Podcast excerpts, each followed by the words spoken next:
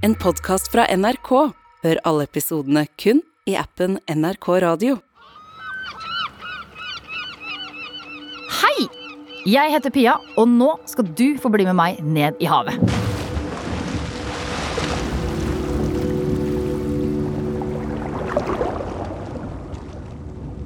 Åh, ja, nei, se der svømmer det en knallblå fisk.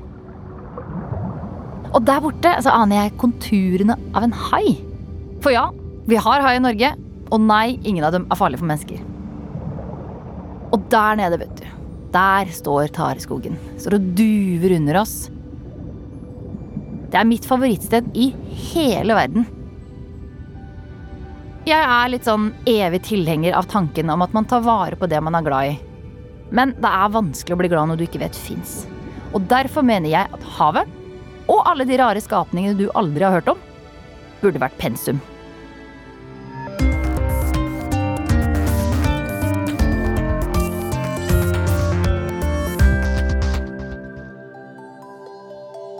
Jeg heter Pia V. Dalen. Er marinbiolog, forskningsformidler og forfatter, og jeg elsker havet. Havet er nemlig en skattkiste av merkelige, spennende, rare og fascinerende skapninger. Det er også grunnen til at du og jeg kan leve på jorda. Og vi har forferdelig mye hav i Norge, men ingen marinbiologi i skolen.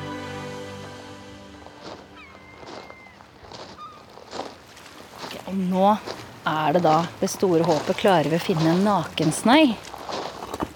For at du skal bli like glad i havet som det jeg er, så har jeg lyst til å invitere deg med på oppdagelsesferd for å bli bedre kjent med noen av skapningene som gjør verden under overflata så ufattelig spennende.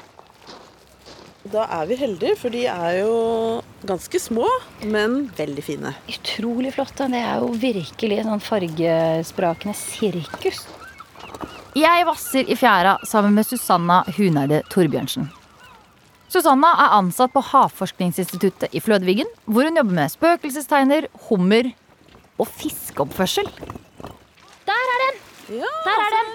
Åh, Jeg husker ikke hva den der heter, men den er knallrosa og har frynser. Altså Det er vel en av disse her som vi kaller for frynsesnegl.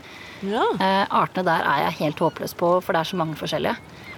Ja, det er veldig mange arter, og det er en veldig fin en som er hvit med gule flekker. Oh, ja. Og så er det den som er blå med sånne gule flekker på tuppene. Mm. For å forstå de kompliserte systemene i havet, så er det viktig å forstå hvordan et økosystem fungerer. La oss sammenligne det med et sykehus. Alle er enig i at leger og sykepleiere dem er viktig. Vi kan kalle dem sykehusets nøkkelarter. Men et sykehus drevet av bare leger og sykepleiere, det ville gått konk ganske kjapt. For vi trenger også støtteapparatet rundt, ikke sant? Som resepsjonistene, vekterne, renholdsarbeiderne, vaktmesterne, portørene og en rekke andre. Og akkurat sånn er det i havet òg. Du kjenner jo gjerne til våre viktigste arter, som torsk, krabbe, hummer og laks. Men det fins tusenvis av andre små morsomme skapninger også, som får altfor lite oppmerksomhet fordi vi mennesker ikke anser dem som interessante. Sånn som kjempeslimormen, som Susanna og jeg nå kikker etter her i fjæra. Jeg føler den steinen der, den så lovende ut. Vi ser hva vi finner på undersiden av den. Her, ja. Å ja, der har vi verdens lengste dyr. Å, kjempeslimormen. Kjempeslimormen. Ja, den er eh, veldig kul, altså. Jeg syns den ser ut som sjokoladesaus. Ja. Det ser liksom ut som noen har gått bananas med en sånn Og så spruta sjokoladesaus på hele området. Det viser seg, og det har jeg lært jeg litt for seint, at eh, kjempeslimormen den har en nervegift i huden. Ja. Samme som fugufisken. Mm. Eh, den skiller den ut hvis den blir irritert. F.eks. hvis noen putter den i munnen for å teste om den smaker sjokolade. Da blir man litt sånn nummen på tungen. Eh, ikke helt heldig når man skal stå i fjæra og undervise om dette eventyret de kaller livet, men like fullt veldig gøy. Kjempeskimormen, det er jo, jeg synes jo det er ganske rått at vi har et dyr som kan bli nesten 60 meter lang rett under brygga vår, da. Og apropos under brygga. Fjæra det er spennende, det altså. Men nå er det på med dykkermaska og snorkelen, og du skal få bli med meg på skikkelig oppdagelsesferd under overflata. Det å dykke ned hit under bølgene, det er som å komme inn i et nytt univers. Det første vi merker når vi kommer ned her, det er at gravitasjonskraften ikke lenger er særlig dominerende. Og man får liksom følelsen av å fly over overflata, litt sånn som måken gjør noen titalls meter over oss. Men om du tror det er stille her nede, da må du tro om igjen. Bare hør på det her. Istedenfor um, Så hører du dette. Og istedenfor det her Så hører du dette. Det siste der, det er lyden av en eh, vårkåt torsk. De snakker til hverandre på sitt helt eget kryptiske språk. Det er et språk jeg en dag håper vi klarer å dekode, men som en liten del av meg kanskje innerst inne også håper at de skal få lov til å ha for seg sjøl. Men ok, det var hørselssansen, men hva ser du nå rundt deg? Idet du stikker hodet ned i vannet, så bombarderes dykkermaska di av milliarder av små skapninger. Noen av dem er såkalt fytoplankton, men som av mange bare kalles planteplankton. Dette det er bitte små organismer som vokser så fort og i så store mengder at de sørger for at vannet ser grumsete ut på våren. I løpet av høsten og vinteren har nemlig næring fra dypet kommet opp og blanda seg med næringsstoffene i overflata. Så når sola endelig titter frem igjen her i nord, så varmes vannet opp og setter i gang det vi kaller våroppblomstringen. For havet det eksploderer rett og slett i en suppe av alger og bakterier som driver med fotosyntese.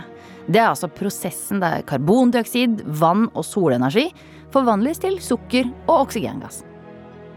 Og allerede her oppe i suppeland så finner vi den første lille skapningen som er helt sjukt viktig for at du kan leve på jorda. Nå vil jeg at du skal bli litt bedre kjent med cyanobakterien prochlorococcus. Ja, jeg vet, det er et ganske håpløst navn på en så viktig art fordi den driver med fotosyntese. Og det finnes, hold deg fast nå, noe sånn som 80 milliarder, milliarder, milliarder individer på verdensbasis. Og det er faktisk så mange at de er med på å holde klimaet i sjakk ved å sluke helt absurde mengder karbon fra atmosfæren.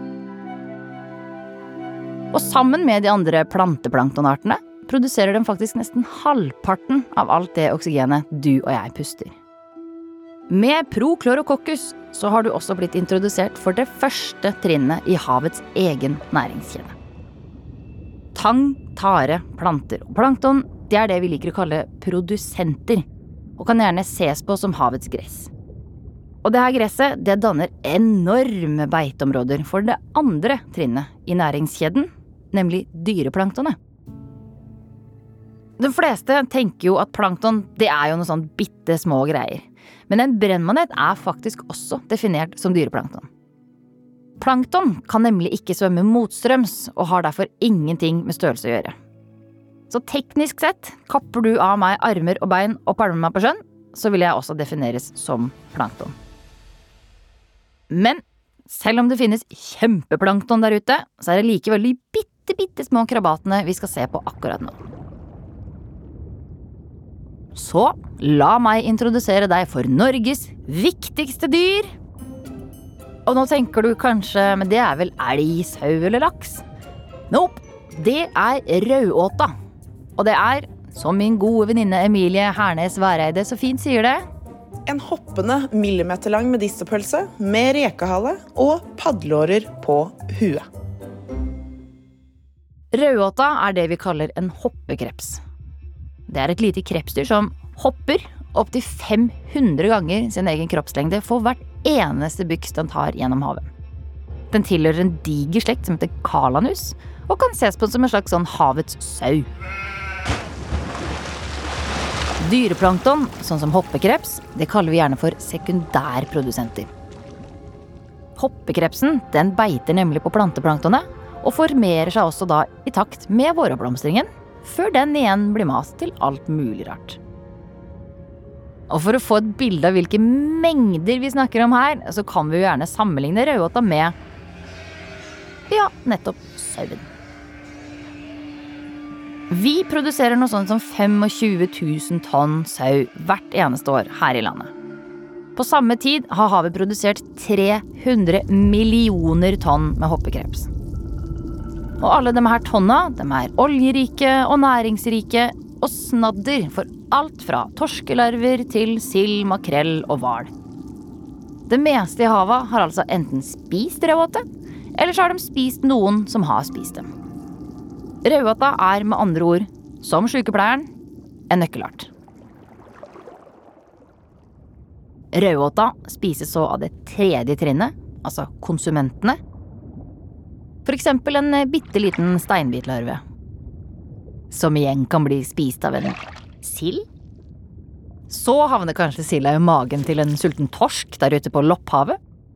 Og torsken, den havner til slutt på tallerkenen din. Disse trinna utgjør til sammen det vi kaller en næringskjede. Så neste gang du spiser torsken på toppen, så kan du tenke litt på kalanus og proklorokokkus, og sende dem en liten takk for at du har fått en svømmende energiklump på middagstallerkenen din.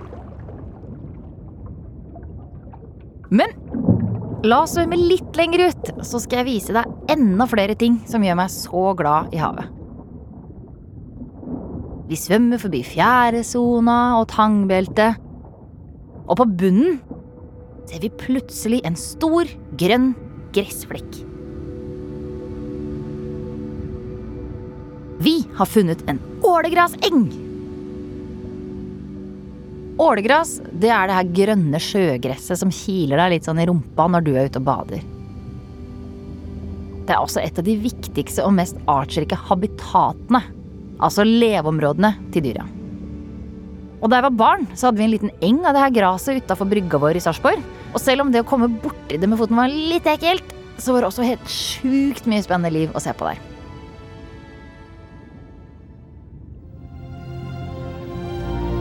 Har du forresten sett den filmen her? Tegnefilmen om Nemo.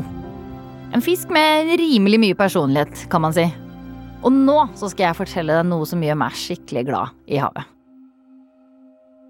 For det er nemlig ikke bare på film at fisk har personlighet.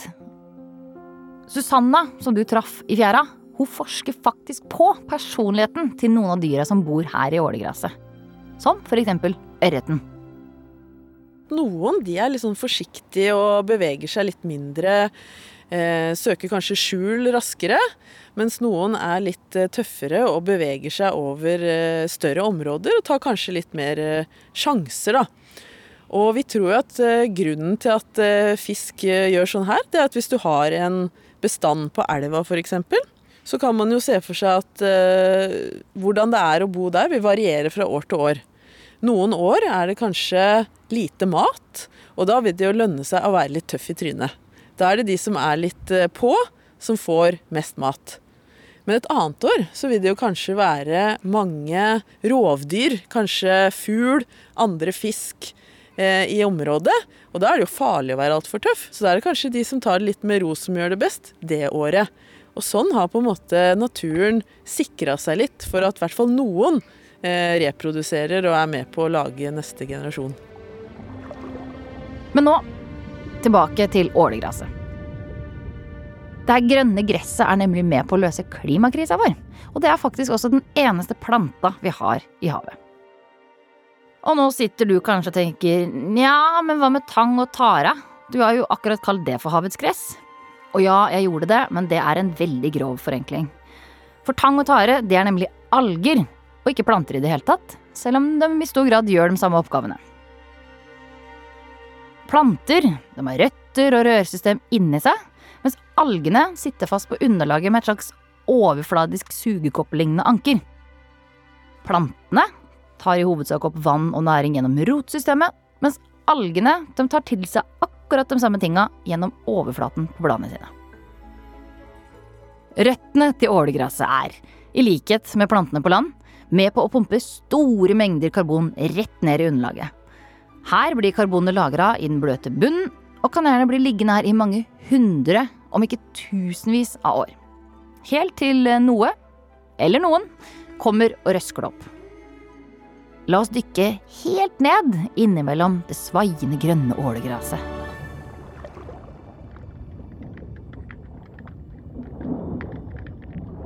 Vi er nå på et par meters dyp, og her finner vi et virvar av arter innimellom de grønne stilkene. Så mange som 280 000 individer har man på det meste funnet på én liten kvadratmeter med ålegress. Tenk på det! Og jeg som syns det ble for trangt med meg og en kanin på 35 kvadrat. De her små organismene holder ålegresset rent for såkalt lurv og annen påvekst. Er det ingen som gjør det, så klarer ikke ålegresset å bruke sollyset til å lage karbohydrater og oksygen, som vi jo alle trenger for å puste. Alle artene som lever på og rundt ålegraset, har også en annen viktig rolle.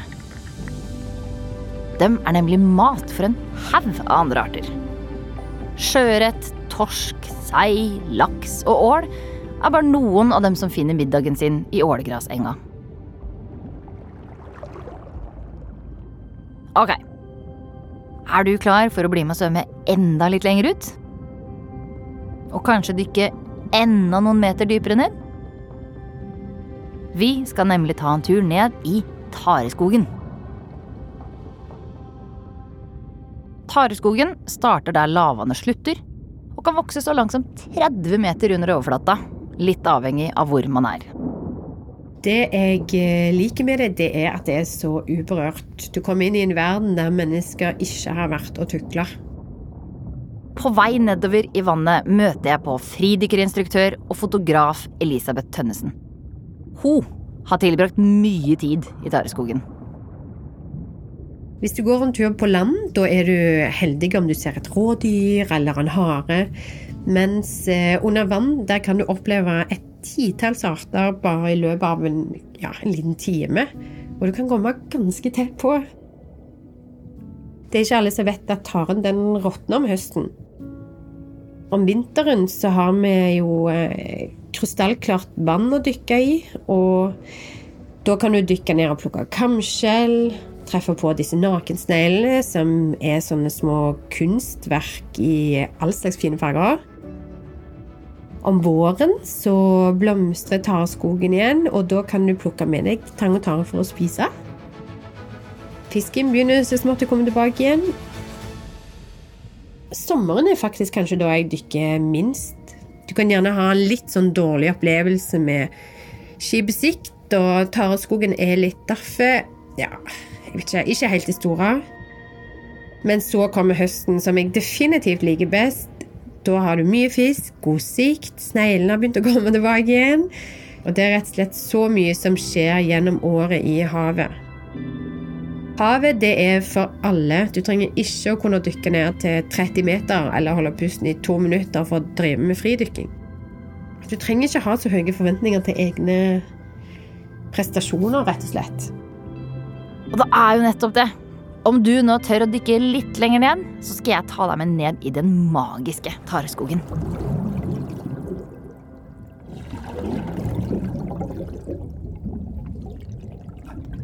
Rundt deg nå så ser du tjukke stilker av arten stortare. Den kan vokse seg opptil fem meter høy, og man får liksom følelsen av å svømme gjennom en eventyrskog. Stilkene i en sunn tareskog er nemlig overgrodd av dyr og andre alger. Og man får liksom nesten følelsen av å være i Narnia når det er her nede. Hva har så tareskogen med livet ditt her på jorda å gjøre? Tareskogen produserer nesten en fjerdedel av alt det oksygenet vi puster inn. Men undervannsskogen den hjelper oss til helt andre ting også. Selve tarebladene duver majestetisk i takt med bølgene, og har vugga meg inn i døshet mer enn én en gang. Og den her duvende trekronen er også helt nødvendig for fastlandet. Den står nemlig som en slags borg utafor kysten vår, og beskytter oss mot bølger og brottsjø fra havet. Står du ved kysten på lavvann en dag, så vil du se at store dønninger blir til bitte små krusninger etter å ha passert gjennom tareskogen. Og det er ikke bare energi som fanges her. Et mylder av egg og larver finner hvert eneste år veien inn i tareskogen. Den fungerer både som barnehage og matfatt for hundrevis av arter. Å, jeg mener, se på alle fargene her, da! Se på sjøanemonene. De kommer i alt fra rosa til lilla og knallrød. Det er som å være i Syden. Her ser vi også stankelbeinkrabber, skallus, trollhummer, spøkelseskreps, børstemark, sjøpung og en haug med arter du aldri har hørt om. Og de kommer i alt fra hvitt og svart til blått, turkis, gult og grønt.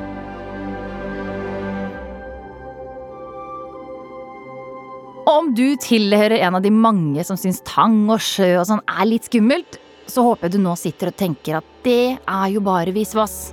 Havet er jo ikke farlig. Det er bare litt annerledes enn det du og jeg er vant med.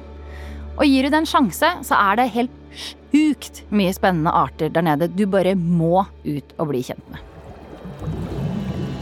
Og da svømmer vi sakte ut av tareskogen, for nå er det på tide å dykke ned i det kalde, mørke dypet.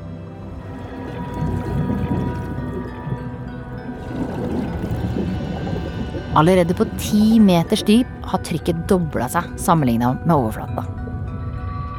Og fargene de har forandra seg dramatisk. Nesten alt av rødfarge har blitt borte, og landskapet rundt oss nå det har fått en litt sånn grønnblå tone. Dette skjer fordi vannet vi nå svømmer i, er full av små partikler som absorberer forskjellige bølgelengder. Og den røde delen av det vi kaller det synlige spekteret, er det som forsvinner først.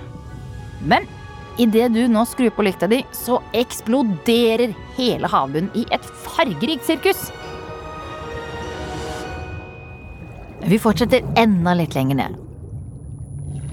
Og for at ikke trommehinna mi skal sprekke nå, så må jeg holde meg for nesa og utligne trykket. Slik kan man gjerne gjøre når du får dotter i øra på flytur.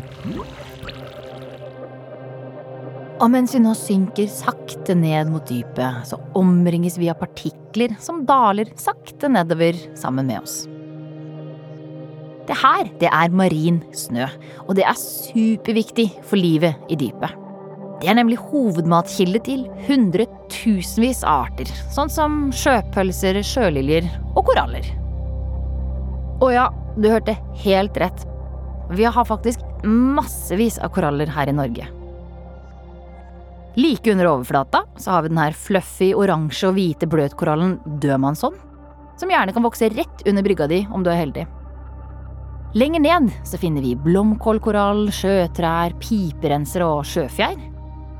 Men de virkelig flotte de heter steinkoraller og bor i dypet. Og de dyptlevende norske korallene, som har blitt brutalt oversett i alle år, de stortrives altså rett utafor kysten vår. Og nå så skal jeg fortelle deg noe du kanskje ikke visste. For her i Norge så har vi faktisk vårt helt eget Great Barrier Reef. Utafor Røst i Lofoten ligger det nemlig et 45 km langt kaldtvannskorallrev. Det er faktisk det største vi vet om i hele verden. Og akkurat som i tropene, så yrer det av liv i og rundt det her revet.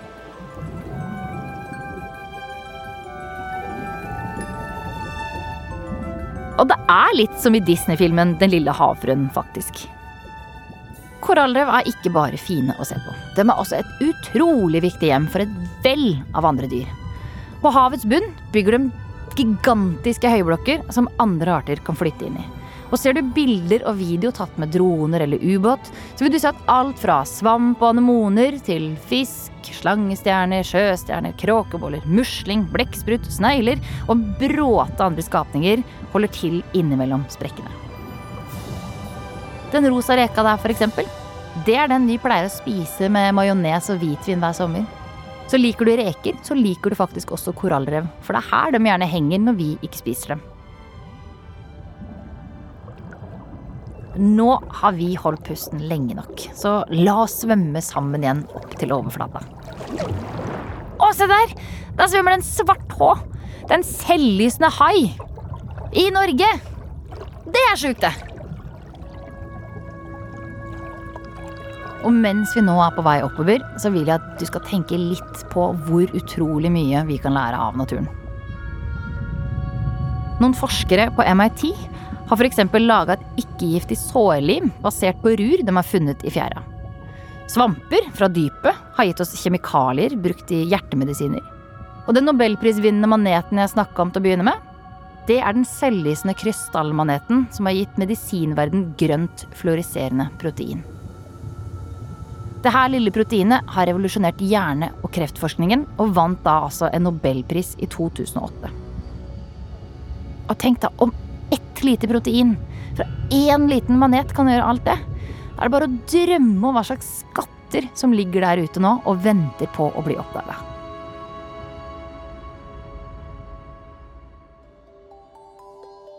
Jeg begynte jo denne episoden med å si at havet faktisk er grunnen til at du og jeg kan leve.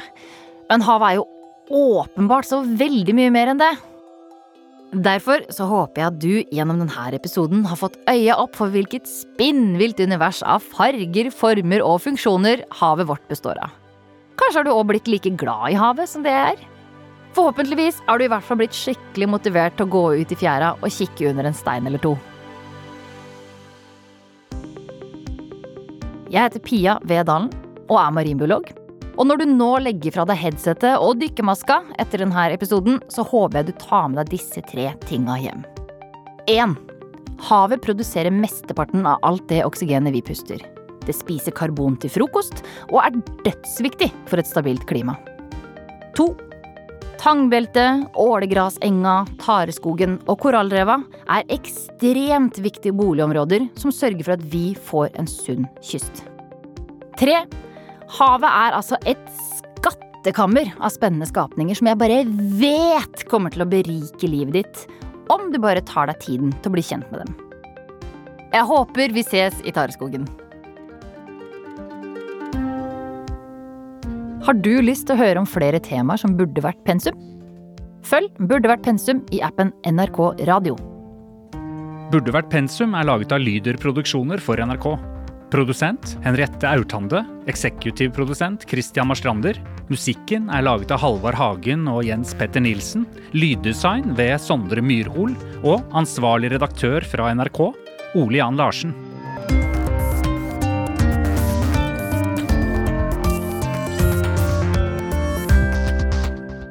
Du har hørt en podkast fra NRK. Hør alle episodene kun i appen NRK Radio.